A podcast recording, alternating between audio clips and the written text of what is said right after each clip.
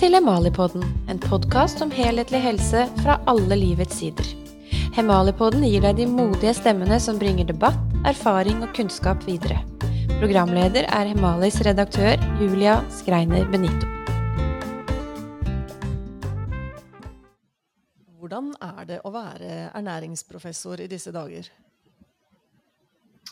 Ja, akkurat nå er det jo eh, litt stort trykk, da. Eh, nå som disse nye retningslinjene skal komme. Og I tillegg så publiserte vi jo en artikkel om uh, ultraprodusert mat og kreft, som fikk en god del oppmerksomhet. Så da må jeg kombinere uh, litt media og uh, forskning ellers. Simon Erling Nitter Dankel, det er en glede å ha deg med. Og det er så gøy å si navnet ditt, for det høres litt ut som en sånn hyggelig barneregle. Ja.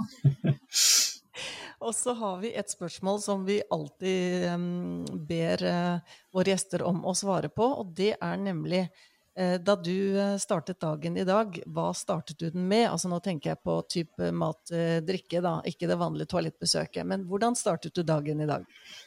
Ja, um, jeg tok og jeg lager som regel egg, så jeg hadde tre egg um, stekt i smør.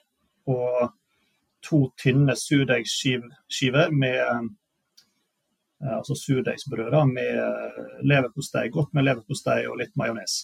Oi, oi, oi. Men eh, egg og smør, sier du, gir ikke det høyt kolesterol fordi det er mettet fett og osv.? Eh, det kan vi jo gjøre. Men eh, eh, sånn som jeg spiser, så spiser jeg lite karbohydrater generelt. Og da får en en annen risiko profil, så en må jo også se på det totale bildet. Det skal vi snakke mer om uh, siden. Men jeg må nevne leverposteien også. Jeg har nemlig oppdaget at uh, det er jo en, uh, en sånn linegang og balansekunst, det å finne matvarer i butikken som Ja, hva skal jeg si? Som er eh, gode nok. Eh, jeg har akkurat lært litt om nitritt, og jeg har lært at det fins en leverpostei uten nitritt. Det er den danske. Jeg vet ikke om det er den du også spiser? Ja, um, det, har, det, her har vært uh, tema for meg i det siste. For jeg finner jo ikke så mange produkter, det heller. Men før lagde jeg jo min egen leverpostei, men jeg har ikke funnet tid til det i det daglige. Så jeg bruker den her Stryn leverpostei, men jeg vil nok ikke nødvendigvis anbefale den, fordi den inneholder jo litt diverse, den også. Mm. Ja, for det blir kanskje det nye, nå som vi har lært litt om ultraprosessert mat, så blir det vel det nye at vi i større grad snur pakken når vi er i butikken, og at vi lærer oss hva de ulike ene og tallene og rare ordene betyr. Ja, nettopp. sant. Eh, så han blir jo litt mer eh, opptatt av det her, når, spesielt når eh, nesten alle produktene en kjøper har flere ingredienser enn det pleide. Da. Det ser ut som at det har sneket seg inn nye ingredienser i det meste. Ja, og det skal vi vie en del tid eh, nå, Simon. Men eh, så må jeg bare nevne surdeigsbrød. Hvorfor surdeigsbrød? Surdeig er jo en uh, mer tradisjonell måte å bake på, um, som fermenterer kornet. Og det kan ha mange fordeler i form av å bryte ned antibeitestoffer f.eks. og skape en annen struktur i, i brødet. Så dessuten så syns jeg det smaker masse bedre. Men eh, baker du det selv, eller får du kjøpt ok, ordentlig surdeigsbrød i butikken? For jeg vet at der også er det masse lureri. Det er vel nok at du putter inn noe sånn su, vet ikke, noe pulvergreier, og så har du lov til å kalle det surdeigsbrød? Ja, nei, det styrer jeg som jeg er under. da. Uh, jeg baker sjøl. Eh, jeg var heldig og fikk en uh, surdeigskultur fra Jonny Lepsa Borge som han uh, lagde i 1989. Så det tror jeg vi er en av de eldste surdeigskulturene i Norge, da. Wow. Så det er gøy. Så du og Jonny, dere er litt sånn partners in crime hva gjelder eh, sånne um, um, kulturer for surdeig, og kanskje andre ting også? Utveksle litt, bytte litt Jeg pleier å kalle det babyer, disse her vannkefirkornene og Ja, ja. ja. Men den, den, omtales kanskje ikke som baby, den dere deler? Nei, uh, men eh, det er iallfall en uh, veldig sterk kultur som er veldig fin å ha. Mm.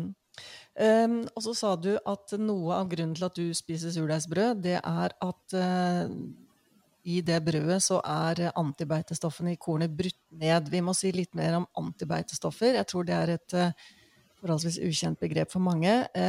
Hvis jeg har forstått det rett, så er det slik at eh, plantene de vil helst ikke bli spist, og ergo så har de et forsvar. De kan jo ikke løpe sin vei, sånn som vi mennesker og dyr kan, ved fare for å bli spist. Og ergo så har de altså utviklet en egen sånn kjemisk forsvarsprosess, eller forsvarsvegg, mot å bli spist.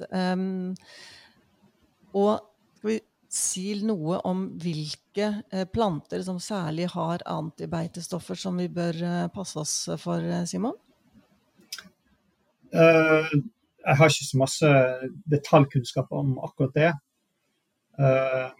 men generelt er jo det kornprodukter, altså, altså disse her klassiske hvetesortene som vi har fått. Ikke klassiske kanskje, men de nyere sortene som vi har, som, eh, som inneholder en del av disse stoffene. Det er uendelig mye å passe på dersom vi etterstreber å, å spise og leve sånn noenlunde optimalt. Eh, kan, man kan bli litt sånn matt, for det er, det er motstridende råd, det er motstridende forskning, og nå har det jo toppet seg ved at til tross for din og mange andre ernæringseksperters anbefaling, så vil ikke de nye nordiske kostrådene ha eh, en advarsel mot, eh, mot ultraprosessert mat. Eh, hvorfor er dette så betent, eh, Simon? Ja, det er jo et godt spørsmål, da. Eh, men uh, det første jeg tenker på, er at uh, det er en viss konflikt med de rådene som en ønsker å gi. Um, altså, ultraprosessert mat um, består jo av en del matvarer som blir anbefalt. Um, og det gjelder kanskje spesielt grovt brød. Så der er mange varianter som vi finner i butikken i dag, uh, er ultraprosessert per definisjon, ut fra sånn som det er blitt definert av denne NOVA-klassifiseringen. Um, og det andre er jo at uh, hvis en, altså de uprosesserte produktene som en sammenligner med ultraprosessert mat. Altså de minimalt prosesserte matvarene. Der finner en f.eks. rødt kjøtt. Og det ønsker en jo å anbefale å spise mindre av. Sånn at det er enkelte direkte konflikter med de eksisterende eller de, de nye rådene. da. Eh, og så er det jo litt det her med eh, hva som er nok evidens hvordan ser en på evidens, og, og, hvordan ser en egentlig på ny mat som har kommet? Uh, har en et evolusjonsperspektiv eller ikke? Hva slags teoretisk rammeverk har en for å forstå helseeffekten av maten vi spiser? Og der har nok ikke ernæringsmyndighetene hatt spesielt stor fokus på evolusjonstankegang.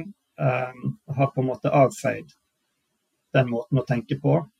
Og eh, baserer seg stort sett på evidens som vi har fra moderne forskning. Da, da tenker jeg at eh, det er mange problemer med det, fordi at um, alt den moderne forskningen nesten er jo gjort på et, et kosthold som, som er nettopp moderne og inneholder masse ultraprosessert mat som en slags bakgrunn i kostholdet.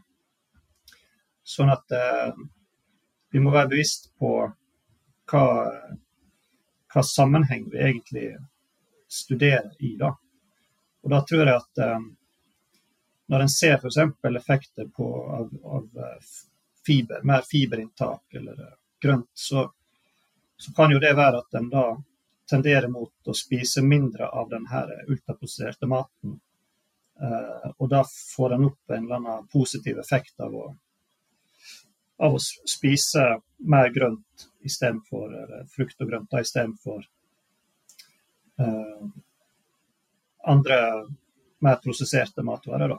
Så uh, jeg, tenk, jeg, prøver å tenke litt ut fra et sånt uh, større perspektiv, da, og, og, det tror jeg mangler litt i tankegangen. da.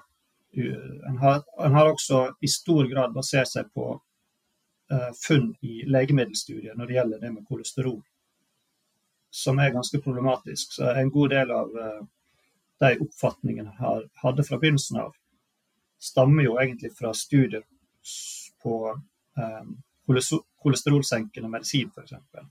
Der en ser at det kan gi en beskyttende effekt på risiko for hjerte-kar.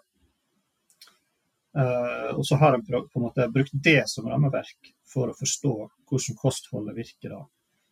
Og, og for meg blir det veldig indirekte. Så vi skal snakke mer om kolesterol og fett, eventuell sammenheng med risiko for hjerte-karsykdommer. Men tilbake til det du benevner som moderne forskning, som du sier er rammeverket når eh, våre myndigheter ikke vil eh, fraråde ultraprosessert mat i de nye nordiske ernæringsrådene, som altså kom i 20.6. Når du sier moderne forskning, eh, skal jeg høre det som forskning delvis finansiert av matindustri?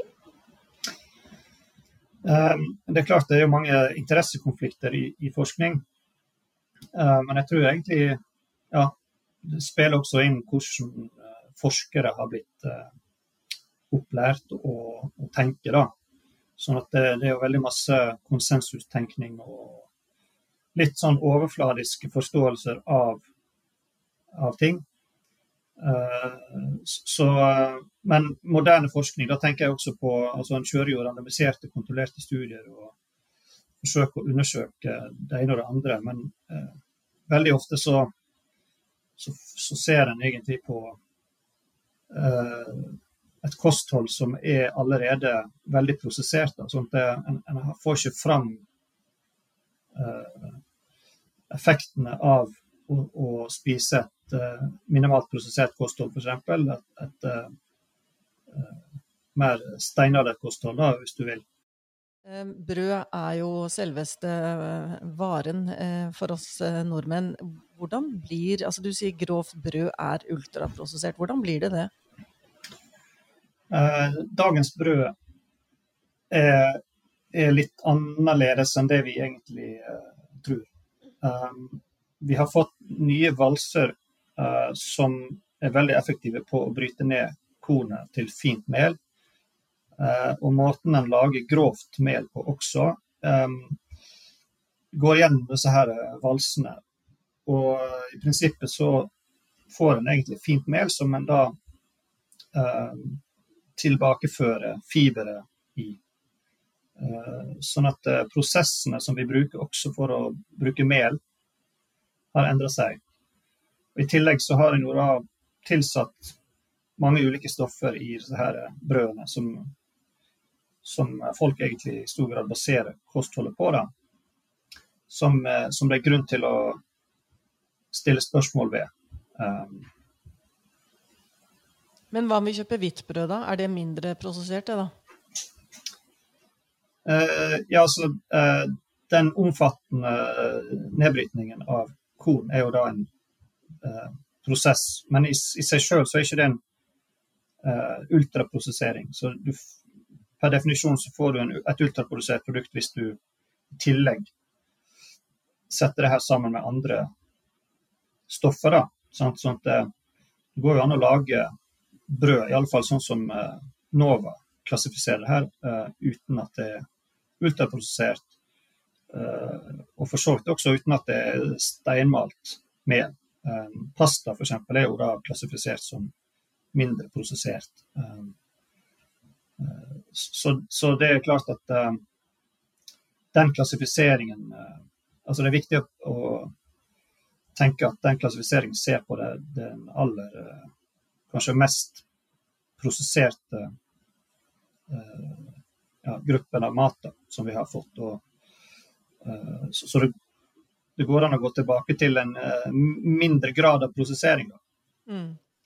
Eh, og så har, vel, eh, har det vært skjedd mye med, med, kornet i det siste. Eh, eh vet hvor, hvor, lang tid. Det kom kanskje med industrialiseringen at vi har manipulert hveten på et og andre korn også vel, på et sånt vis at det er mindre næring og flere faktorer som ha, kan ha uheldig påvirkning på helsa vår. Stemmer ikke det? Jo, uh, jeg er ikke noe ekspert akkurat på det området heller. Men uh, det er jo noe med at vi beveger oss lenger og lenger vekk fra, fra de sortene som vi opprinnelig har hatt over lang tid.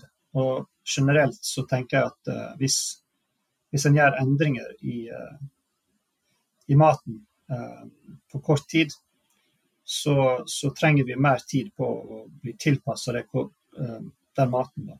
Og det kan godt tenkes at mange av de nyere måtene vi gjør ting på, er viktig for bl.a. tarmhelse og mange, mange som har eh, problemer knytta til eh, fordøyelse og tarmhelse. Så eh, sier du, Simon, at um, en av forklaringene på at ikke NNR, altså de nye nordiske kostanbefalingene, inkluderer dette poenget om å unngå eller minimere ultraprosessert mat, det er at de har et annet utgangspunkt i sin forskning, og kanskje også eh, andre endepunkter. Fordi du er opptatt av eh, evolusjon. Du høres ut som du er opptatt av at eh, vi mennesker vi skal spise slik vi har pleid å spise. Eh, fordi våre gener, eh, vårt stoffskifte, det har vel ikke endret seg vesentlig. Er det derfor du mener at det er den beste maten for oss, den vi har tradisjonelt spist? Ja, det tror jeg. Um, jeg tror at også vi kan tåle ganske godt uh, uh, altså det vi kaller tradisjonell mat, som ikke nødvendigvis går tilbake til steinalderen. Uh, type mer meieriprodukter og for så vidt til en viss grad kornprodukter. Uh, jeg tror at uh, kroppen uh, er bra stand til å tilpasse seg over også kortere perioder. Altså, da snakker vi flere hundre år eller tusen år. Da, sant? Eh, ikke flere hundre tusen år, jeg, eller eh, titusenvis av år. Så, så, siden jordbruksrevolusjonen så, så, kan vi jo ha tilpassa oss uh, den type ja, meieri og, og kornprodukter til en viss grad. Uh, det som jeg stiller mest spørsmål ved, er jo da det som har skjedd det siste, det siste kanskje 50-årene, da. Eh, der har vi virkelig fått en dramatisk endring i prosesseringsgrad og, og type mat og sammensetning av, av hele kostholdet i samfunnet. Da. Og så er det veldig vanlig når jeg snakker varmt om eh, tradisjonell mat, så er det vanlig ja, å typs eh, drar den helt tilbake til steinalder. Da. Så er det mange som innvender at ja, men vi lever jo lenger enn noen gang.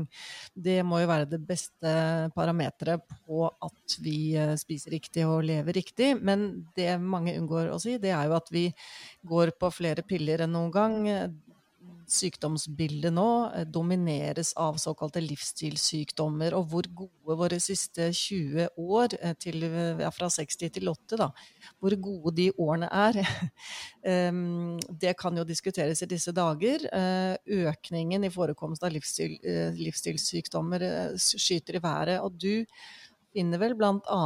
i den samlestudien som du ledet, at ultraprosessert mat kan knyttes til risiko for kreft. Og hvis ikke jeg husker feil, noen kreftformer så mye som opp mot 50 økt risiko. Um, og som sagt, det altså knytter du etter samlestudiene eh, til eh, forekomst av eh, Eller inntak av ultraprosessert mat. Jeg vet ikke om det tallet er justert nå? 50 økt ja, altså det, kreftrisiko? nøyaktige tall er jo alltid usikkert. Så, så det viktigste med, med, samlestudien er at en ser en ganske konsistent positiv sammenheng, da, eller negativ, for å si sånn, da, uh, uh, med, mellom uh, kreftrisiko og, og, inntak av ultraprosessert mat, eller iallfall høyt inntak av ultraprosessert mat. Um, så, så, vil jo selvfølgelig ulike studier variere, og de varierer også i kvalitet. Eh, sånn at de estimatene som man får ut i enkeltstudiene, sånn opp til 50% eller til og med opp til 300% i én studie, de må vi av og til ta eh, med en klype salt. Um, men totalrisikoen ligger rundt 6-20% i de studiene som er tilgjengelige til nå. Som i alle fall matcher det som en har sett for andre kostkomponenter, sånn som fiber og til og med alkohol. Og hvilken faktor, eh, slik du ser det, hvilken faktor er den aller viktigste med tanke, eller for å forklare eh, økningen i livsstilssykdommer siste, siste ti år? Altså, det er jo Jeg tenker at mat, mattilbud i dag består i stor grad av sterkt raffinerte matvarer. Da, som Det er det som har endra seg mest Eh, hvis en ser på statistikk, så, så har en ikke en dramatisk økning i andre ting enn det. En har ikke en dramatisk økning i inntak av kjøtt eller uh, metta fett eller disse her andre uh, matvarene. Det er jo den mest prosesserte maten som har gått opp, og det henger jo sammen med økning i uh, antall folk i verden. Behovet for å fø de folkene veldig raskt. og det får ikke vi til med å, med å, eh, på en måte Eller vi har iallfall ikke fått det til med å lage tradisjonell mat. Sånn at her har industrien og økonomien drevet fram en slags ja, en, eh, et matsystem som, som, klarer å henge med da, i befolkningsveksten. Og det mener jeg da at vi begynner å komme på ville veier med. Og det er altså et matsystem som gir en fantastisk uh, avanse, og et system som gjør at maten vi spiser, altså den bearbeidede uh, maten, at den har um, lite næring, og den er dyr, og dyrere og dyrere blir den. Og mellomleddene er mange, så det er altså mye å tjene i mange ledd på denne bearbeidede maten. Men er det da slik, altså ettersom, eh, hvis jeg ikke husker feil, så er det omtrent 60% av den maten vi kjøper i butikken, den er ultraprosessert. Eh, den har mindre næring enn det vi trolig trenger. Er det da slik, Simon, at eh, alle som spiser på den måten, da, som ikke lager surdeigsbrødet sitt selv, sånn som du gjør, at de bør ta tilskudd? det er jo et godt spørsmål sant, om altså, Eh, jeg har ikke satt meg inn i eh, det med tilskudd sånn spesifikt. Men um, generelt så, så, vil jo også næringsstoffene være mest tilgjengelige og bio, altså biotilgjengelige i de opprinnelige matvarene som det kommer. Uh, men ja, tilskudd kan jo sikkert være viktig for å sikre, sikre seg mot mangler i større deler av befolkningen. Og, og det er jo globalt. F.eks. jernmangel er et kjempeproblem som virker å være undervurdert. Sånn at en kan jo stille spørsmål også ved anbefalinger om å spise mindre kjøtt, f.eks. rundt de utfordringene. da. At, eh, og hvis vi ikke tilrettelegger for uh, bedre matproduksjon og baserer oss på monokultur av få avlinger, eh, framfor å utnytte landareal som egner seg for beite, og, og, kan sikre at vi får produsert mer fullverdige proteinkilder og, og næringsrike matvarer som også inneholder vitaminer og mineraler i, i større grad, så tror jeg at vi kan komme veldig skjevt ut til slutt.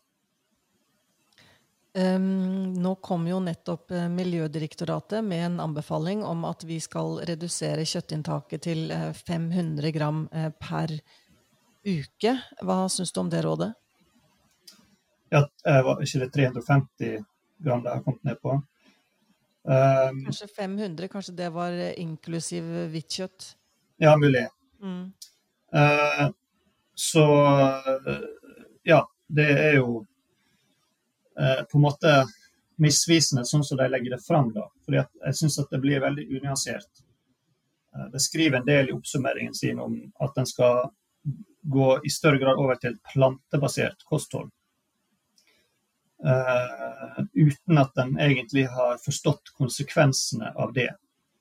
Uh, det som nå skjer i industrien, er jo at uh, så her er multinasjonale konsernene lager, kjører på med å lage kjøtterstatninger og, plantebasert mat ut fra denne eh, monokulturen som en bruker i, i landbruket, eh, som er i ferd med å da overkjøre naturlig system eh, en må jo bruke kunstgjødsel, og det er mange uh, ringvirkninger av det systemet. da. Uh, så jeg tror at det er utrolig viktig at vi går over til Eller formidler bedre viktigheten av å utnytte landareal til bærekraftig kjøttproduksjon, spesielt i et land som Norge f.eks. Der vi har kun 3% av landarealet som dyrkbar mark. Eh, da blir det jo helt feil å sende oss i en retning mot et, et plantebasert kosthold uten i alle fall ikke, Hvis en ikke samtidig uh, legger opp til at en skal få uh, utnytta det landarealet bedre og gjøre oss mer selvforsynt og um, forhindre uh, alle de negative konsekvensene som vi kan få av denne eh, ultraprosesserte plantematen. Da. Ja, for det er vel nærmest en nødvendig sammenheng mellom eh, mer eh, plantebasert og mer ultraprosessert? Ja, det er nesten sånn, da.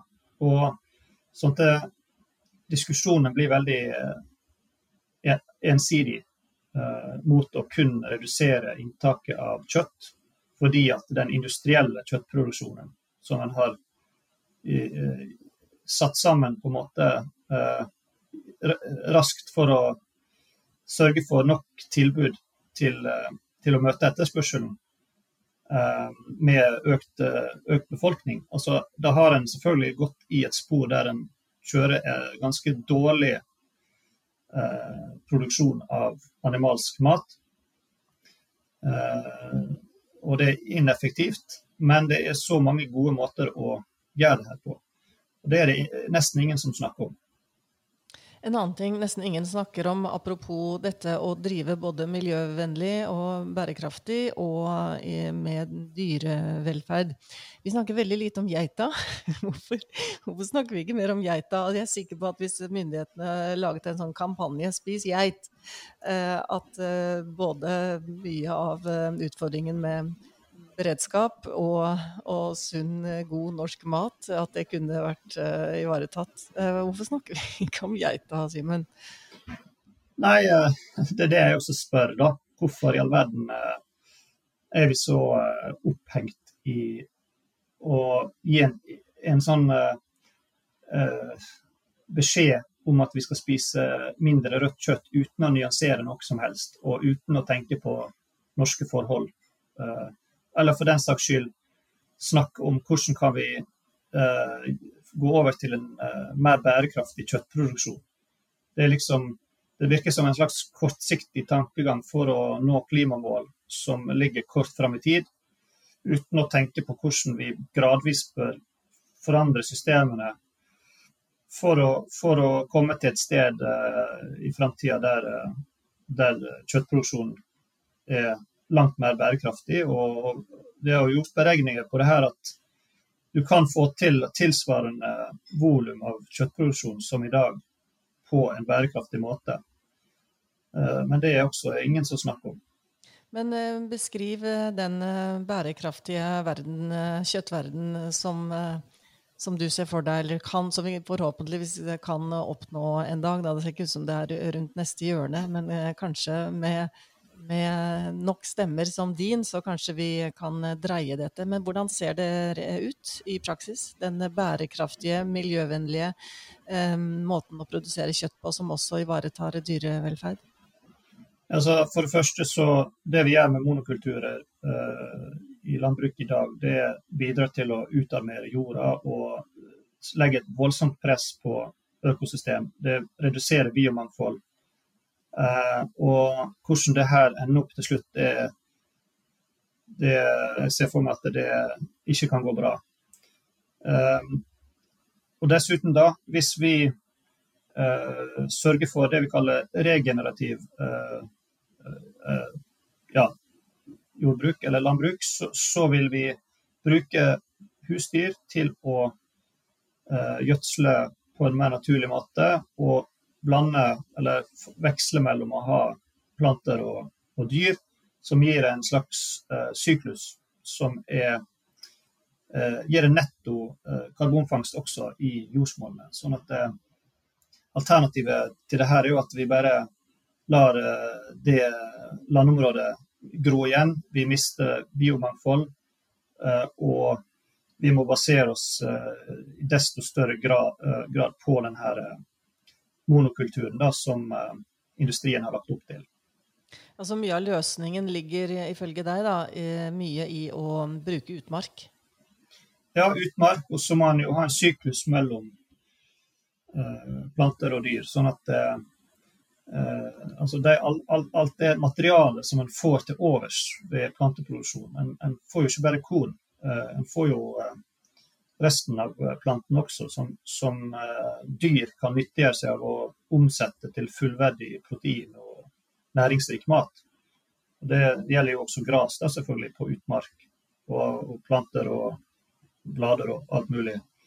Um, så hvis vi tok vekk uh, dyr, sånn som det virker som at vi ønsker å gjøre nå, uh, få mindre og mindre dyr, så, så, har vi misforstått viktigheten av, av hvordan dyrene en, må være en del av den syklusen da, mellom, ja, mellom planter og, og, dyr. Fordi at Eh, det her driver jo eh, Ja, det, det vil jo da øke utnyttelsen av, av eh, det vi produserer generelt. Er du mer bekymret for monokultur og dagens drift i jordbruket enn du er for CO2-utslipp? Ja, altså, Det som også har vist, er at hvis du gjør det på riktig måte med, med dyrehold, så kan du få en netto karbonfangst i jorda. Og det handler jo om i stor grad også biomangfold. Uh, og det er jo en naturlig tiårssyklus der med utslipp av metan. Så, sånn, at uh, det vi snakker om i forhold til metan også, er jo veldig misvisende. Fordi det handler mest om industrielt utslipp av metan som, som blir tilført fra fossile brensel, og ikke fra, fra dyr på den måten. Så jeg tenker at eh, her må vi bare spre eh, mer kunnskap om hvordan økosystemene fungerer, og hvordan det er mulig å gjøre alt det her på en bedre måte. Da. Hvordan fikk du interesse for eh, mat og ernæring? Det lurer jeg på. Det høres ut som du har erfaring med gård, stemmer det? Jeg hadde en bestefar som vokste opp på gård. og Han var faktisk veldig opptatt av ernæring. da. Så jeg har jo vokst opp på Vestlandet og blitt eksponert for naturlandskap og eh, gårdsbruk og eh, selvfølgelig ja, alt det positive rundt det.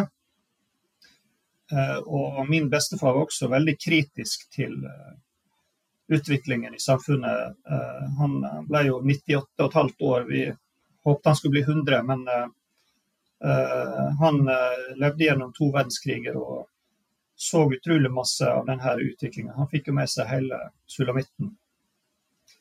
Uh, og han sa alltid at uh, det er ikke utvikling vi driver med, det er innvikling. Uh, så vi driver bare og gjør det mer komplisert for oss sjøl. så jeg har fått masse inspirasjon fra han. og så har jeg hatt foreldre som også de møttes på Hogganvik gård. Det var en biodynamisk eh, gård eh, som, eh, som de møttes på. Og da ut fra sine interesser innen landbruk. Og så far min han var også veldig opptatt av natur og, og landbruk og bio, biodynamiske perspektiver. Da. Så jeg har fått uh, veldig masse inspirasjon fra familien. Det har jeg. Mm.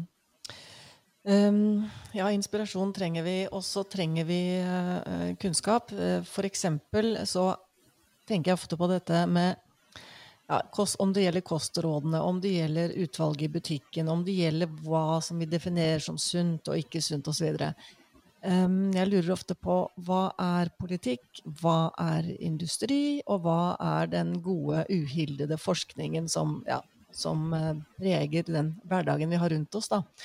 Uh, og jeg, det fins neppe noe sånn eh, absolutt svar på det, men jeg har vel en følelse av at det har blitt et salig røre mellom politikk og industri og kostråd og ja, som sagt, det vi definerer som sunt og usunt? Ja, altså jeg tror at det er veldig mange velmenende folk der ute.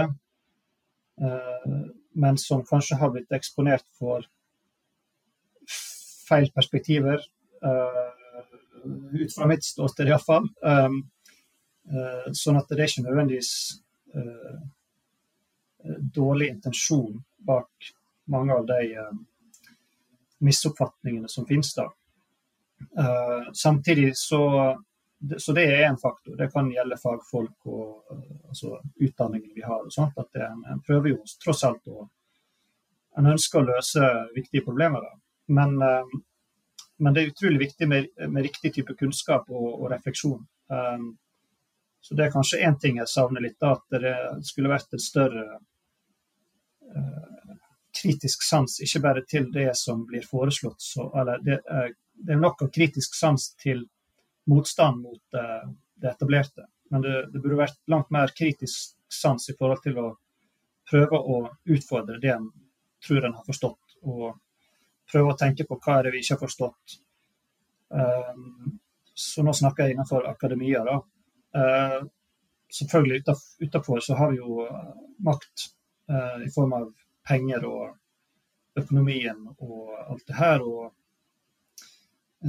lobbyvirksomhet som, som, virker inn da, på forståelsen vår. Og selvfølgelig har vi også, som jeg nevnte tidligere, legemiddelindustrien som har vært med å påvirke en god del hva som er eh, viktig og, og, sånt. Og spesielt det her med kolesterol har jo blitt eh, ekstremt eh, overdrevet, eh, etter mitt syn, da, som en, som en risikofaktor. Som, som nesten som den eneste risikofaktoren som gjelder, som skal definere kostrådene. For dette, hvis en koker det ned til, til eh, ja, beinet, da, så er det egentlig eh, den tankegangen da, som, som, ligger til grunn eh, for eh, motstanden mot å åpne for at eh, animalsk feit mat eh, ikke nødvendigvis er så farlig som man skal ha det til.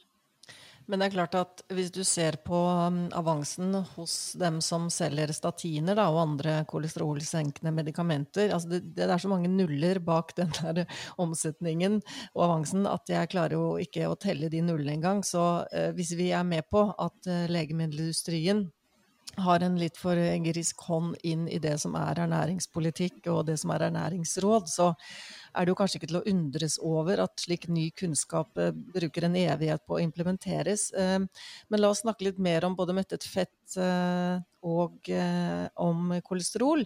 Jeg la merke til at et av argumentene hos FHI, Folkehelseinstituttet, for å ikke advare om ultraprosessert mat i de nye nordiske kostanbefalingene, det var at Ehm, I ultraprosessert mat så er det mye mettet fett og mye salt og mye sukker, og det kan like gjerne være forklaringen på at slike som deg da knytter helserisiko og utvikling av uh, livsstilssykdommer til ultraprosessert mat. Altså FHI forklarer de gjerne med at det like gjerne kan være det mettede fettet og saltet og sukkeret som er synderne i ultraprosessert mat.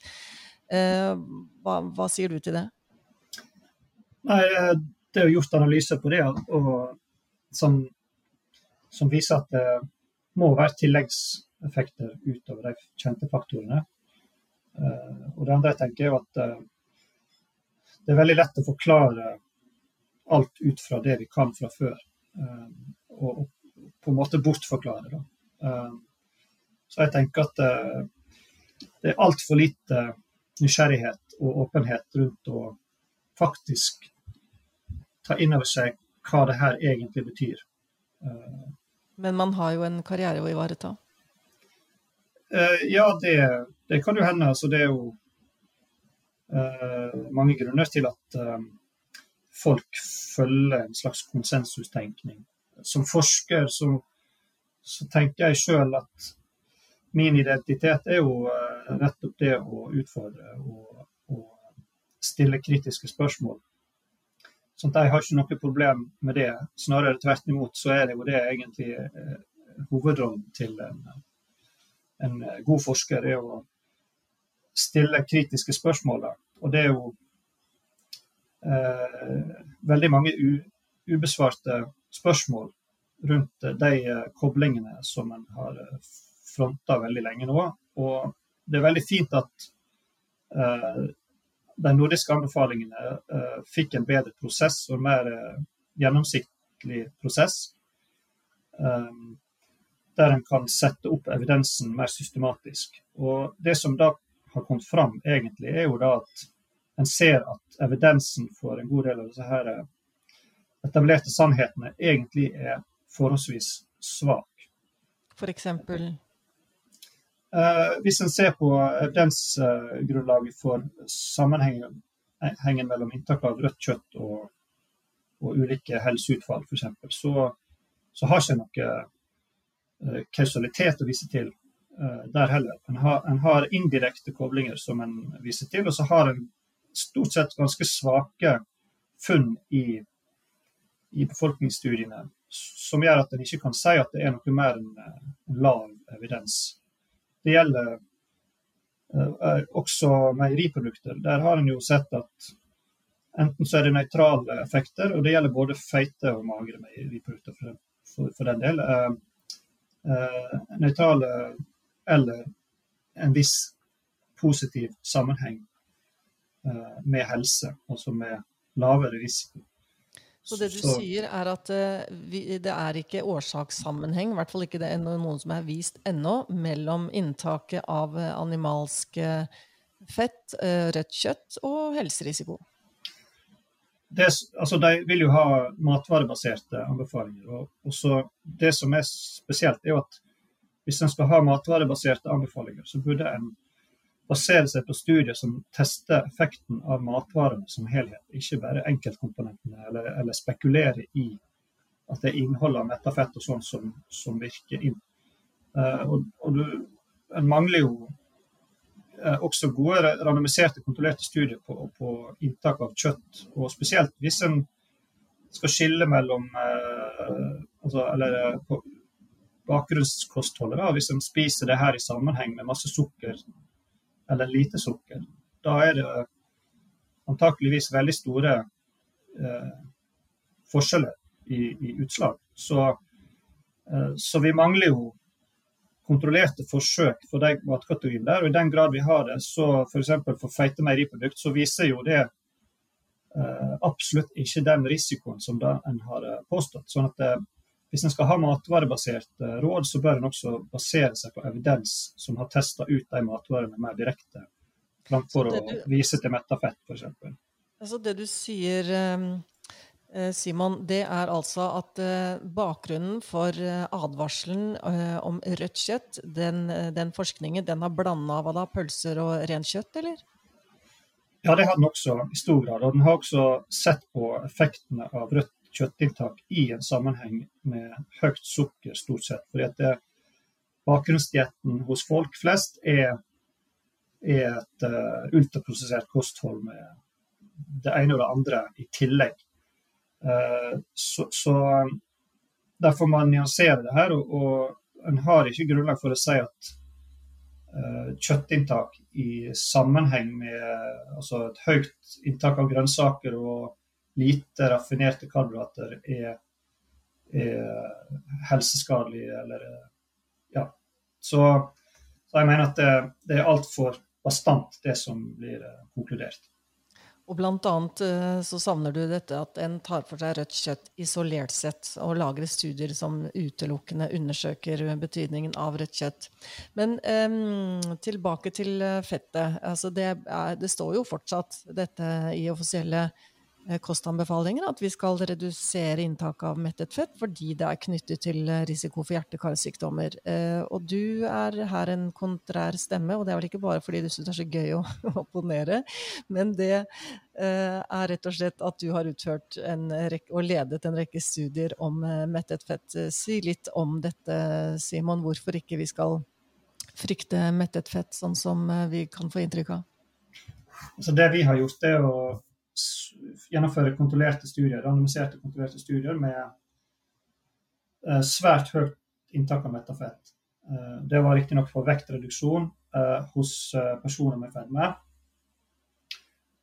Men det som er unikt med de studiene vi har gjort, er jo at de inneholder over 30 energiprosent metafett. Altså nesten, eller til og med mer enn en tredjedel av all energien som de forsøkspersonene spiste. Uh, og vi ville da undersøke om hvordan det her virker på bl.a. visceralt fett, som er en viktig risikofaktor i type 2-diabetes og hjerte-karsykdom. Uh, og det har jo blitt sagt at høyt inntak av metafett fremmer diabetes og osv., men uh, i vår studie så, så, fikk de minst like god effekt av uh, det kostholdet da, som bestod, der halvparten av energien bestod av kjøtt og smør. det var en tre måneders studie. Det var den ene studien vi gjorde, og der har vi også sett på sammensetningen av lipoproteiner i blodet. Uh, og Det er en studie som uh, vi jobber med nå. Uh, ja, må du forklare lipoproteiner? Det er altså en, en, en, en, type fett, er det det? Ja, det er altså disse her transporterne av fett i blodet som, som da LDL-kolesterol og HDL-kolesterol. Og, og, så har vi nyansert det her og sett på om det er små, tette eller store fluffy partikler, som vi kaller dem. Og det som er gjennomgående i uh, litteraturen også, og i våre studier, er at når du spiser animalsk fett, eller metafett generelt, så, um, så, så kan de store fluffy partiklene stige. Altså antallet av dem kan stige. Men det vi også ser, er at de små, tette synker. Da, sånn at du får en annen profil av disse her eh, partiklene. Og det er de små, tette vi ikke vil ha?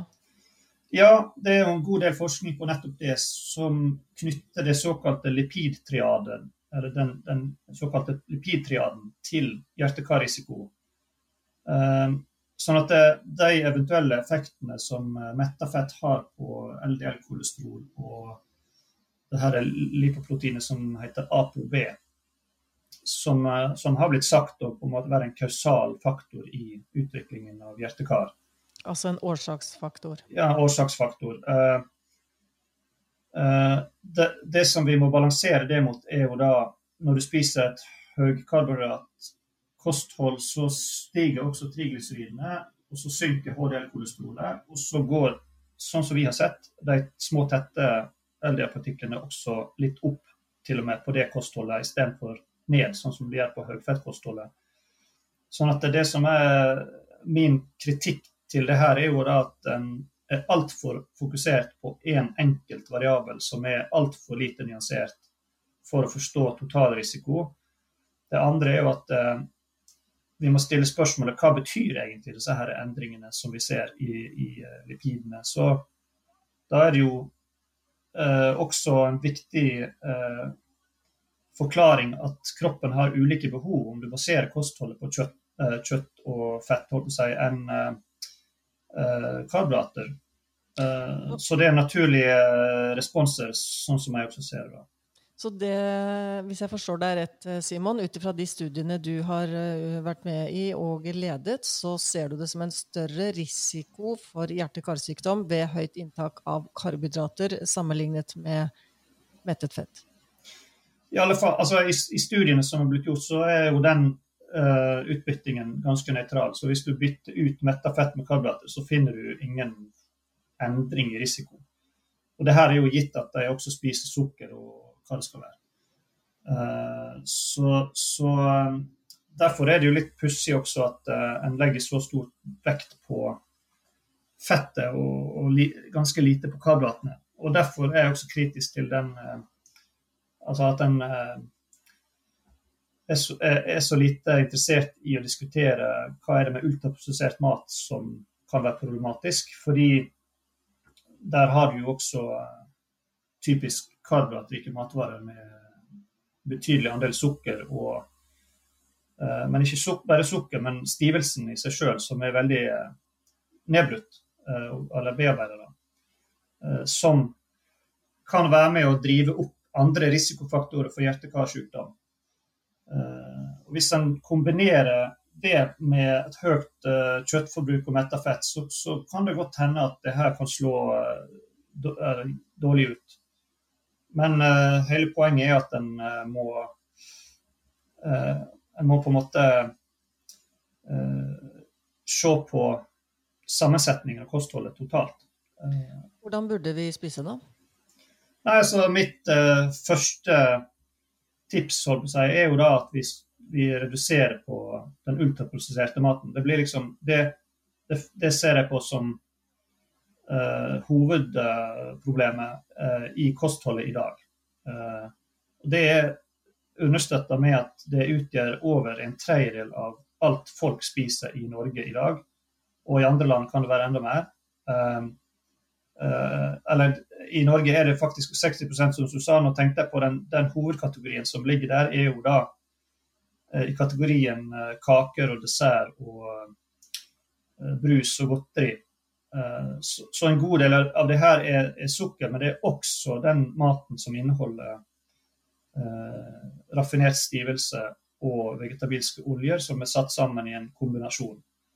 Um, sånn at eh, Hvis en virkelig ser stort på det, så burde en snakke masse mer de, om de kategoriene som eh, som bidrar mest til eh, problematisk eh, kostmønster. Og så, eh, når en først har tatt vekk det, da tenker jeg at det kan være åpent for veldig mange alternativer eh, som kan være sunne. da. Og mitt største problem med det som blir formidla, er at en, en, er veldig ensidig mot retning eh, mindre fett og mer plantebasert, og, og en har ikke Eh, godtatt at det finnes veldig gode alternativer eh, der en kan sammens, sette sammen kostholdet bas, også basert på mer uh, animalsk uh, mat, bl.a. meieriprodukter og, og uh, en passe mengde kjøtt. og heller ja, bruke grønnsaker fremfor større mengder stivelse. Hvorfor blir ikke dette godtatt? Det er jo den der eh, koblingen til LDL-kolesterol. Det er der det henger fast. Så, så hvis vi får økt eh, forståelse for sammenhengen mellom eh, hjerte-karsykdom, eh, kolesterol og fett, hvis den kunnskapen virkelig etablerer seg, da tenker du mye vil være løst? Ja, og ikke minst at en uh, tenker større. Uh, at en ser på totalrisiko Eh, for tidlig død, eh, for eh, diabetes, for kreft. En har liksom antatt at de samme risikofaktorene gjelder for all, all sykdom. Men det, sånn er det jo ikke. En har vært, vel, over, vært overfokusert på hjerte-kar. Og så har en egentlig ikke gjort en tydelig totalvurdering. Uh, dessuten så ser vi jo stadig at hjerte-kar uh, altså forekomsten, eh, stiger. I takt med at befolkningen eh, øker i overvekt og fedme. Jeg syns vi stadig hører at eh, det er så mange færre som dør av hjerte-karsykdom nå enn tidligere. Ja, det siste, iallfall globalt, så stiger det her betydelig nå. Og det, sånn som jeg kan se, så, så henger det her sammen med den nye maten og ultraproduserte maten vi har fått, og at uh, inntaket av uh, Altså det er det som har steget mest. Sånn at uh, inntaket av fett og kjøtt og animalsk mat har, har ligget ganske stabilt hele veien. Så, så, det første vi må tenke på, er å moderere inntaket av alt det som har kommet på toppen av et normalt, tradisjonelt kosthold. Da. Du er ikke redd for høyt kolesterol? Nei, uh, jeg ser på totalrisiko. Tenker på hva er det som bidrar utenom kolesterol. Hvis du ser på store studier, så bl.a. denne Global Disease Burden som er en sånn slags rapport som kommer ut med jevne mellomrom, så havner jo eh, kolesterol ganske langt ned på lista over de viktigste risikofaktorene for livsstilssykdommene. Um, det som havner på toppen der, er jo klassisk høyt blodtrykk og uh, økt uh, blodglukose, altså hyperglykemi. Så det er litt med hvordan en fokuserer og tenker rundt hva som er de viktigste faktorene da, i livsstilssykdommene. Jeg kan bare forestille meg eh, hvordan du må balansere din, dine ord, dine budskap, i, ved det at du er eh, Ja, sier andre ting. Du er en, eh, en, slags motstemme til veldig mye av den offentlige både ernæringsrådene og ernæringspolitikken. Hvordan er det å, å være deg? Nei, det, det, lever jeg helt fint med. Jeg, for meg så er integritet er det viktigste. Jeg, jeg vet hva jeg står for. Uh, jeg vil ikke la meg pushe av uh, dårlige argumenter. Um, så jeg står for det jeg uh, mener og opplever som, som gode refleksjoner. Da. så skal en jo tilpasse seg ny kunnskap hele veien. men er veldig nyansorientert og ønsker å, at en ikke forenkler bildet. Men jeg forstår samtidig at kostråd ofte må gi forenkla budskap. Sånn at det kan godt hende at de har interne diskusjoner som er langt mer nyansert eh, innen de miljøene som, som er eh, litt mer på det tradisjonelle synet. da. Men, skjønner, eh, så, så mye, mye, av målet eh, i forbindelse med kostråd er å forenkle så til de grader at eh, alle nordmenn får det inn? Ja, han er jo redd for å anbefale mot ultraprosessert mat, bl.a. fordi at en tror at det kan bli forvirrende og for mange uklare spørsmål. Så jeg, bare, jeg sammenligner det her med plantebasert. at Den termen plantebasert er jo ikke noe mindre forvirrende. fordi at For meg så er det jo fryktelig masse dårlig mat som er plantebasert. For eksempel? Uh, ja, det kan jo være alle disse her nye veganproduktene som, uh, som en uh, mener skal være så voldsomt sunne da, i forhold til animalsk mat. Og der har vi jo heller ikke dokumentasjon på det. Og, det, og det er vel, de er vel beviselig meget næringsfattige, er de ikke det? Jo, det, det er de også. Ultraproduserte i stor grad. Så så, så, det er mange sannheter som en har tatt for gitt her, uh, før en egentlig har utprøvd uh, hvordan det her egentlig virker. Og en endrer store strukturer i samfunnet uten å egentlig vite hva en begir seg ut med. Fins det noe håp da, om uh, gode endringer? Ja, eller så har ikke jeg orka å sitte og snakke så masse om de her tingene. fordi at det begynner, det, det, det begynner å bli litt kritisk, føler jeg. Eh, at når en går i så sterk retning mot eh, plantebasert og ultraprosessert, eh, uten å også nyansere det, og egentlig før en har fått evidens altså det, det er Én ting å spørre, etterspørre evidens om ultraprosessert mat er dårlig. Det andre er jo å stille spørsmålet om en har evidens til å tillate en introduksjon av den maten her, og en sånn omveltning av det kostholdet som, eh, som vi hadde før vi fikk alle livsstilssykdommene. Da. Så jeg vet ikke helt om jeg har uh, håp med det første, men uh, vi må iallfall uh, belyse behovet for å gjøre en endring mot bedre utnyttelse av landareal. Og ikke tro at vi kan bare dure på med ultraprosessert mat og eh, storskala industriell matproduksjon med monokultur og alt det her.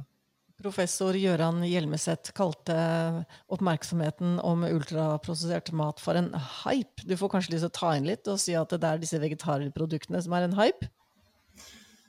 Det kunne en godt si, fordi at eh, det er, nett, det er jo lite dokumentasjon eh, rundt det også, men plantebasert det står tydelig at en skal eh, anbefale i anbefalingene. Og, det blir litt sånn der uh, dobbeltmoral, kan en kalle det. At uh, på den ene sida så skal en uh, bruke et uh, sånt begrep uten at en egentlig har så gode, gode, holdepunkt for de nye produktene. Altså Kanskje en har studier som viser at en del plantebasert er, for, er forholdsvis sunn i forhold til altså, et, et, vanlig vestlig kosthold.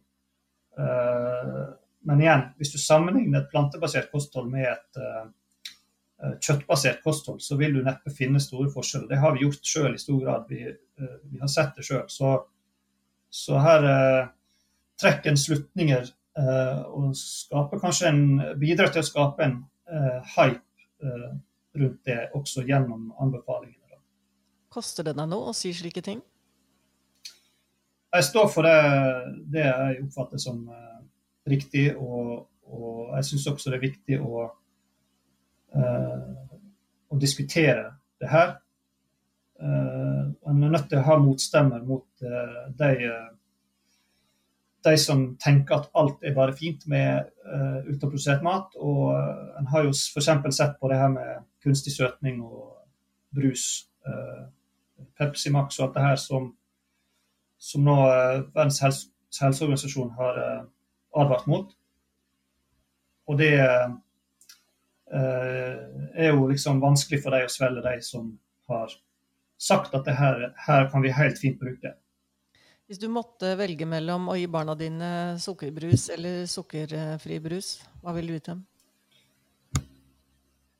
Uh, jeg ville kanskje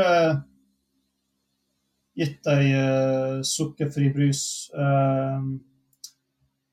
Jeg vet ikke, Det har ikke så stor betydning, egentlig. For dette, det som studiene viser, er at hvis du bytter ut de to, så får du stort sett samme effekt. Og Det er jo en av de tingene som de burde ha sagt. fordi man har faktisk ikke noe vektbeskyttende effekt heller med å gå over til sukkerfri brus. Eh, studiene er ganske tydelige på det. En får ikke en spesielt stor fordel uansett. så for eh, mine barn har ikke vært vant med å drikke den eh, type drikke uansett, så det er egentlig ikke en så stor problemstilling. Nei, Det tviler jeg ikke på. De drikker sikkert fløte til frokost, de. Nei, ikke, ikke, helt, men håmelk, håmelk bruker de iallfall. Jeg er så glad, Simon, for at du er den motstemmen du er, med den fantastiske faglige tyngden og troverdigheten. Eh, jeg har et siste spørsmål til deg. Dette er eh, gjengangeren eh, avslutningsvis med våre gjester her i Himalipodden. Hva er det du gjør som et enkelt tiltak som du har skikkelig trua på med tanke på helsa? Um, ja, det første jeg tenker på, er jo uh, maten. At jeg, jeg spiser knapt ultraprosessert. Kanskje leverposteien og eh, litt sånn ekstra som jeg legger på, uh, bidrar. Uh, er lov å si én ting? Ja, én ting, ja. Uff, det var jo dumt. Men nei, det er å lage maten sjøl. Jeg lager nesten all mat fra bunnen av sjøl. Mm. Og våre lyttere ser deg ikke, men jeg ser deg, og du ser veldig sunn ut. Jo, takk for det. jeg, må, jeg, må, skyte til at jeg, eh, jeg trener med den her Ja, jeg trener med sånne strikk som, som jeg fikk tips av fra Dag Viljen og, ja. og Jonny. Så, så jeg, jeg, må jo få lov å si at jeg tror det også er veldig gunstig for helsa å holde, holde fysikken i form og aktivitetsnivået oppe. Så du kjøpte en sånn der eh, strikk ja, fra Helsemagasinet og er fornøyd med den? Veldig. Mm. Den har jeg brukt i eh, to år nå, så, så det er effektivt og uh, veldig bra for både hjerte og muskulatur. Godt å høre. Tusen takk for denne drøye timen. Simon eh, Dankel, det var en glede å få deg med. Og um, igjen, altså betydningen av uh, motstemmer, betydningen av saklig og å utfordre det etablerte, det kan vi ikke undervurdere. Så tusen, tusen takk. Og så får du ha en strålende dag videre i varme Bergen. Ja, det var veldig hyggelig å få snakke. Så sjøl takk.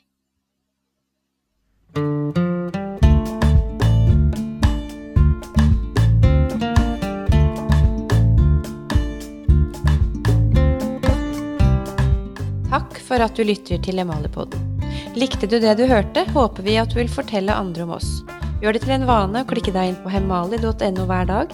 Der vil du finne siste nytt om det fantastiske potensialet i livsstil for helse.